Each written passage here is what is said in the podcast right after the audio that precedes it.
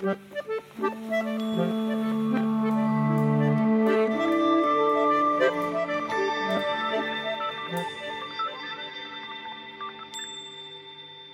vil jeg ønske velkommen til podkasten Ytringsklima, som handler om hvordan vi mennesker snakker sammen, først og fremst på jobb. Uh, I dag har jeg en gjest uh, som heter Donatella Di Pauli. Min kjære kollega fra Institutt for ledelse og organisasjon.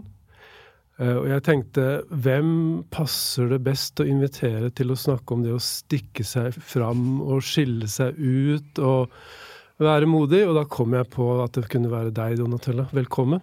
Tusen takk.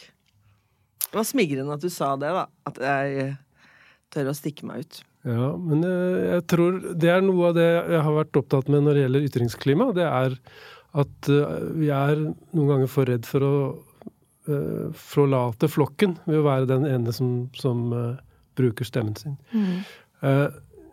For noen år siden så fortalte du meg om et eksperiment som du gjorde i auditoriet, som jeg ble veldig inspirert av, mm. og som jeg har kalt for Den falske professoren. Kan ikke du fortelle oss hva du gjorde den dagen? Eh, jo, det begynte egentlig bare med at jeg snakket med hun som er standup-komiker. Og så sier hun at hun hadde lyst til å gjøre noe på BI. Uh, og tenkte ja, det hadde vært morsomt. Og så fant vi ut sammen at hun skulle spille at hun var en verdenskjent professor. Ja. Hvilket hun ikke var, for hun visste ingenting om fagområder på BI. Mm. så hun skulle bare komme inn i auditoriet, og du skulle presentere henne som en uh, superprofessor? Ja. Som har bodd i utlandet i mange år og jobbet i utlandet i mange år. Derfor er hun ganske ukjent, da. Naturlig nok. Ja. Så da kledde hun seg litt sånn Ikke veldig spesielt, men litt sånn annerledes, da. Ja. Og så kom hun, og så begynte hun å snakke. Ja. Og så snakket hun veldig mye om livet sitt. Ja. Og hvordan liksom, ting hadde gått skeis i livet sitt først. Hun brukte veldig mye tid på det, sikkert et kvarter. Ja. Sånn uvanlig mye, og særlig å fokusere så mye på drama i livet sitt er jo ikke uvanlig som professorer. Nei. Men, eh, og så begynte hun å fortelle om sin teori, da, som var jo bare totalt svada. Skrevet på tavlen nå. Ja. Altså helt Altså, det var helt insane. Det var så Det var så innholdsløst. Ja. Og så mye men, ord mm. som ikke hadde en mening.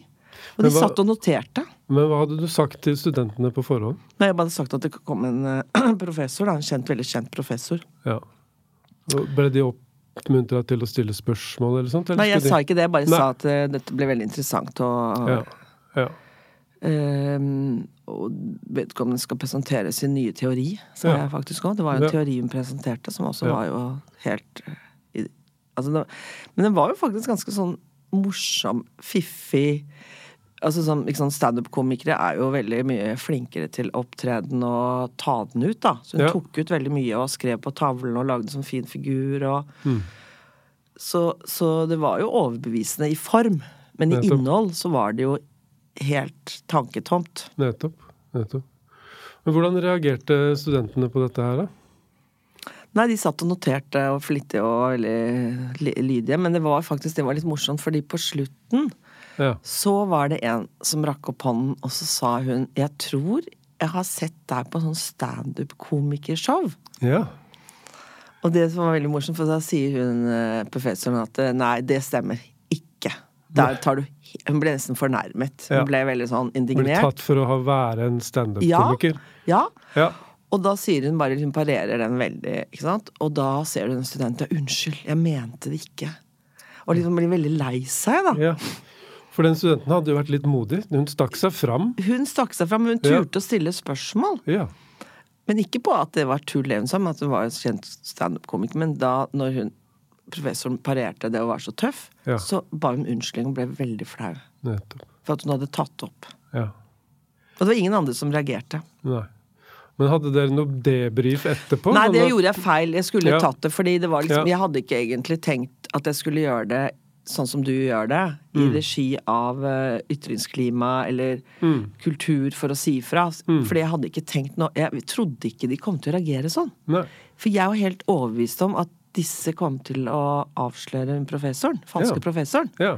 Så derfor tenkte jeg ikke på at jeg skulle ha en debrief og diskutere når de ikke gjorde det. Jeg var helt overbevist om det. Ja, ja, ja. For det var så åpenbart. Ja. Men det, jeg syns jo det er et kjempespennende eksperiment, da. For jeg tenker at uh, de må jo ha sittet der hver for seg og tenkt at dette her høres ikke De må ha tvilt litt, tenker jeg. De må ha tvilt litt. Ja. Uh, og for meg så høres det ut som et eksempel på det som kalles for tilskuereffekt. da. Mm. At uh, vi vet at uh, jo flere mennesker som er vitne til et eller annet som krever en action, mm. desto mindre er sjansen for at noen gjør det. Mm. Så hvis det er 50 stykker som ser at noen trenger hjelp, så er sjansene mye mindre til at en av dem hjelper, enn hvis det er ti stykker. Mm. Fordi vi, vi, smører ansvaret for å gjøre noe tynt utover alle som er til stede. Og så, og så begynner vi å tvile på vår mm. egen vurdering av situasjonen også. For vi mm. ser at det er jo 49 andre her som ikke gjør noen ting. Nei, Og så blir det litt sånn risikofylt å si fra hvis du tar feil. Ja når det er så mange. Hvis det hadde bare vært ti, så er det mye lettere, for da kan du drite deg ut lettere. Nettopp, nettopp. Men når det er så mange, ja. og du er opptatt av hva de andre syns, så har du ikke lyst, og så har du ikke lyst til å fornærme den viktige professoren. Nettopp. Og det sier jo, men det sier litt om kanskje hvor stor rolle og makt faktisk eh, fagautoriteter har, da. Ja. Og også på en handelshøyskole som BI. Ja. Så det kan hende at studentene var tilbakeholdne fordi at dette var jo tross alt en professor. Mm. Det er jo det som Cialdini snakker om med påvirkning. At uh, har du en autoritet, mm. så blir du lyttet til på en annen måte enn om du kommer rett fra gata og er standup-komiker, f.eks. Ja. Mm. Det er helt riktig. Så, mm. Men jeg, var, jeg, ble veldig skremt av det, egentlig, for jeg begynte å tenke på kan, I praksis så kan jo vi Altså fagpersoner kan jo, kan jo presentere egentlig veldig mye svada. Bare mm. vi gjør det med tyngde og overbevisning og med mm. stil, da. Mm. Kanskje vi skal gjøre et eksperiment på et uh, instituttmøte en gang? Kanskje. Og så legge fram en teori som du og jeg har utviklet ja, sammen, ja. som egentlig forklarer alt. altså, men problemet der er at vi sitter jo i et fagmiljø hvor folk ikke nøler egentlig med å, å si fra. Jeg Nei, hos oss sier de fra. Ja. Og kanskje på en ganske skarp måte mm. også. Jeg tror mm. vi da gjør oss uh, sårbare for en ganske Det det tøff uh, behandling. Vi må egentlig gjøre det foran en, en, uh, en, velvillig forsamling som gjerne vil være høflig og greie, mm. og som ikke kommer til å si noe som kan fornærme oss. Da. Mm. Nei, men Tilskuereffekten syns jeg er spennende, og den er det mange som møter på jobb også, tenker jeg. Eh, det er mange som kan se at vi får ikke dette til, vi kommer ikke til å klare den tidsfristen, eller det er en hos oss som sliter. Det er mange forskjellige ting som, mm. som, hvor det kan trengs et initiativ. Mm. Men jo flere vi er som kan ta det initiativet, desto mindre er sjansen. Det var et godt eksempel der. Eh, det er jo siden jeg har Min doktorgrad handlet om prosjekter. Ja. Og, og i, man ser det veldig godt i prosjekter når det er blitt investert veldig mye. Både penger, tid eh, og i nå, mm. og det begynner å gå skikkelig dårlig med prosjektet, så mm. er det noe som heter escalating commitment. At ja. når det går dårlig, hva skjer da? Jo, da ja. gyver de mer løs. Da bygger de enda mer penger og mer folk. Ja. Og? Nå skal vi klare det. Når de, veldig mange vet Eller det som har forundret meg, er, som jeg har diskutert med prosjektledere, er jo Da vet de jo at dette går ikke. Det kommer ikke til å gå. Mm. Dette kommer til å være overskridelser, og det mm. løsningen eller produktet blir ikke det vi skulle ha lagd. Mm. Og istedenfor å innse det og mm. ta det opp, så, så, bare øker det innsatsen. Ja. Jeg tror det var noe av det som skjedde rundt han uh, kirurgen i Stockholm, han Paolo Macchiarini. Mm. Hvor ledelsen ved Karolinska sykehuset hadde investert masse for å få han til Stockholm. Og han satte i gang med behandling av strupekreft, som viste seg å være helt forferdelig. Pasienter døde. Mm. Men ledelsen ved Karolinska, de sto på og bare støttet og For de hadde investert mye i å få ham? De hadde allerede investert masse, og hvis de da skulle gå tilbake på det, så måtte de innrømme at det vi mm. bestemte oss for den gangen, det var faktisk uh, helt feil. Mm. Så det er en sånn felle. Men der tenker jeg også at uh, det kunne vært stoppet tidligere hvis noen i ledelsen da hadde liksom banka på glasset og sagt at vet du hva, Ikke sant? Det var ikke så smart. Men det er jo det at eh, det er jo veldig stor risiko det å si fra, og man har jo lyst til å bli likt og bli Altså man har jo lyst til å få bekreftelse på tidligere ja. valg, ja. og på din egen kompetanse og på det du gjør. Ja. Så det å gå ut av gruppen, da, og så si at Bryte løs, liksom, og si at dette her Vi er ikke på riktig vei i prosjektet, eller vi har ansatt mm. feil person, mm. koster så ekstremt mye. Det gjør jo faktisk det òg. Fordi ja. Ja, det gjør det. du kan jo faktisk få veldig sterke sanksjoner mm. og straff og mm. mm. Men tror du det er noe ved den norske kulturen som gjør at dette her med å stikke seg fram og skille seg ut fra gruppa og være annerledes er eh, ekstra mm. krevende? Ja, det er altså, Siden jeg er eh, jeg, altså jeg er genetisk italiensk og oppvokst i, i, Norge, men med italienske foreldre som ikke brydde seg om å bli integrert. Så jeg, mm. ja, så jeg, så jeg på en måte betrakter jo, siden jeg er forsker, og betrakter veldig den norske kulturen utenifra. Ja. Og jeg syns det er veldig spennende, for de har jo tenkt mye. Fordi Norge er egentlig veldig sammensatt på kultur. Jeg opplever at Norge er veldig individualistisk. Mm. Og at mennesker liker å være f.eks. alene, og liker å gå i naturen alene, og liker å ha hytter langs, lengst mulig bort fra andre. Mm. Du har, og du har en sånn individualistisk ånd nå ja. Man går sin egen vei. Ja. Samtidig så har vi jo dette med den kollektivistiske kulturen, da, som jeg tror ikke bare skyldes uh, arbeiderbevegelsen og sosialdemokratiet, men det skyldes rett og slett at ikke vi har hatt uh, et, et, et adelskap og konger. Altså vi har vært kolonisert, men vi har på en måte holdt på med hva vi ville. Mm. Sånn at uh, folk er jo veldig altså Var du bonde eller fisker, eller det var jo det nordmenn var, ikke sant? så var du veldig sånn i deg selv og veldig sterk og stolt og så, så og, og, og, kollektiv, da. Så det var liksom mm. ikke noe sånn Det har ikke vært et samfunn historisk med store klasseforskjeller og st statusforskjeller som gjør at man har utvikla en veldig sånn tanke om å være trofast mot det kollektive. Altså det mm. kollektive som er veldig sterkt, da. Og det å bryte løs fra det flertallet sier, det opplever jeg er mye vanskeligere i Norge enn f.eks. i Italia. Mm. Og det er rett og slett med rette, fordi mm. du blir straffet og sanksjonert. Så vi, vi, slår ned på de som tror at de er noe? Ja, også de som Og det å tro at du er noe, er jo mm. øh, er jo som Stockmann i mm, Folkefiende. ikke sant? Det betyr at du, du sier noe om det som er riktig òg, men du stikker deg fram. Du får ja. oppmerksomhet i ja. media. Ja. Og det forbindes med at du tror du er noe. Og det tror jeg mange Jeg opplever i Norge så klarer man ikke skille på det. Mm. På det med sak. Og det, men det, ja, nå er hun eller han i media, eller nå er det hun eller han som sier noe på møtet. Og, ikke sant? Hvorfor skal hun stikke seg ut hele tiden? Ja. Da er vi lei. Ja. Hun tror hun er noe. Ja. Men det er jo det jeg tror trengs for å bygge et solid ytringsklima. Det er jo egentlig at vi bekjemper den tendensen til at vi ikke skal tro at vi er noe. Fordi den som da gjør en eller annen observasjon i organisasjonen mm. og tenker at her er det noe smart vi burde gjøre annerledes, mm. eller vi burde invitere Donatella til å komme og holde foredrag eller et eller annet. Man bryter mm. med mønsteret. Mm. Eh, og så har vi da lært at vi ikke skal stikke oss fram, sånn at vi, vi velger heller å holde tett om det, da. Ikke sant? Det, og da er jo spørsmålet hvordan du skal oppmuntre til det. Og jeg mm. tenker at det viktigste er å begynne å snakke om det og bli bevisstgjort det. Ja. Derfor er jo dette programmet ditt kjempebra og viktig. Og, og, jeg tenker at alle organisasjoner, alle miljøer, bør jo ta det opp. Hva er det vi ikke har lov til å si? Man, og, at, og, at, alle tar ansvar på at de må si fra litt. Og noen ganger kanskje, kan, kanskje du skal starte med det i det små. Fordi det er mange som, som har sagt til meg at, de er så, at du turte det. Ja. Liksom, ja jeg, jeg, tenkte, jeg, tenker ikke så mye på det fordi jeg er blitt så vant til det. Og så er jeg blitt så vant til å stikke meg ut og være utenfor og være annerledes og rar. Så for meg er det blitt Pluss at jeg er ikke opptatt i janteloven, så jeg har ikke skjønt Noen ganger så har jeg, mm. så har jeg blitt litt skremt av egentlig reaksjonen Eller ting folk sier om meg. Fordi jeg har ikke skjønt det. Og jeg har ikke vært redd for det. Men jeg tenker at du må begynne i det små, da. Men det er janteloven vi må bekjempe der, tenker du? ja, jeg tenker det. Ja.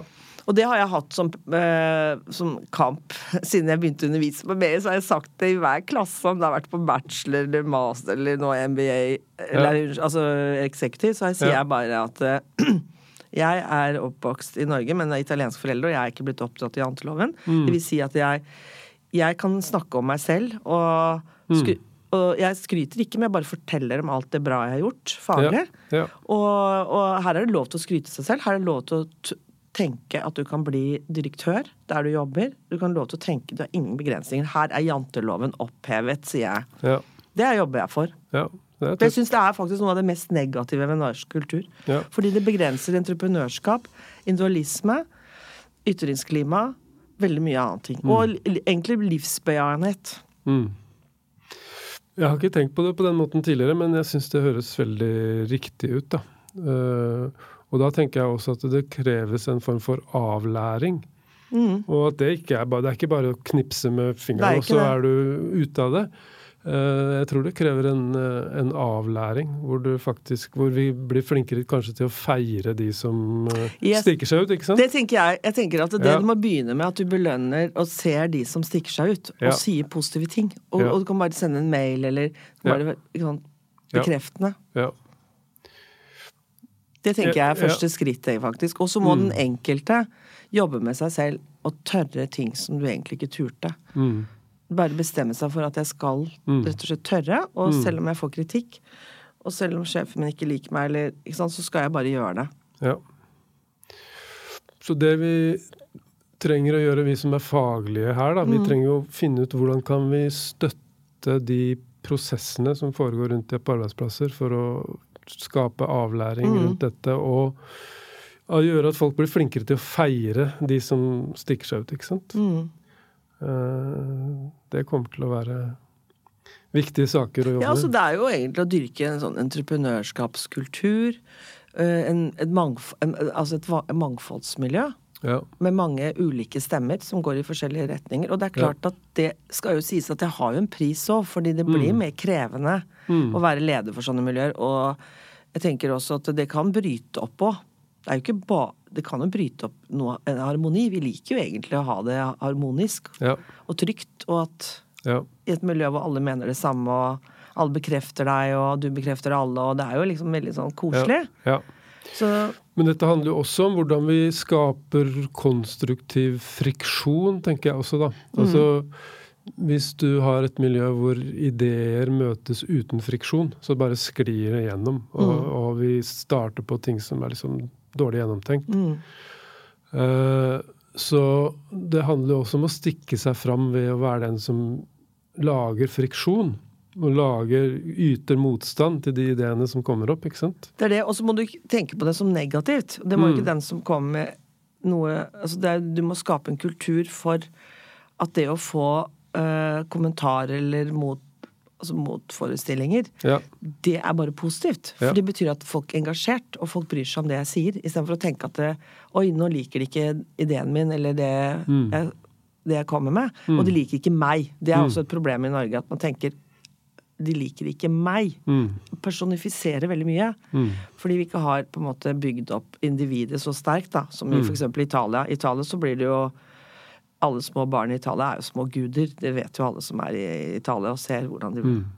oppfører seg. Mm. Og de blir dyrket som guder av hele familien og besteforeldre. Og, ikke sant? Mm. Så, sånn at når du blir voksen, sånn som mm. jeg, jeg har liksom noen ubegrenset med selvtillit. Ja. Selv, for jeg er bare blitt så elsket og forgudet og som det mest unike individ. Ja. Mens i Norge så er det bare sånn nei, også i familien så skal du innordne deg, og, mm. så da har du Du får sånn der knapp på, på fingeren, ikke sant. Oi, du må mm. ikke stikke deg ut, nå må du ikke gjøre det. Ikke så, mm. så, du må på en måte Det er jo en prosess, da. Du må jobbe med deg selv med å bygge deg opp og vite at hvis noen sier noe imot meg, mm. så betyr det ikke at de ikke liker meg. Det betyr jo bare at jeg, den ideen jeg har, er veldig så interessant at de gidder å bruke tid på å diskutere den. Ja. Jeg har tenkt, Et begrep som jeg har tenkt på i det siste rundt dette vi snakker om nå, da, det er uh, liksom rebelskhet og punk. Mm. For det er jo også noe med å yte motstand og ikke bare akseptere alt som kommer flytende, på en måte. Mm. At du eh, eh, mobiliserer den kraften som det kan være. At folk eh, tør å yte mm. motstand og ikke bare akseptere det som serveres. Og jeg har også vært litt bekymret når jeg ser på de unge studentene som vi underviser og, og lærer opp på BI. Mm.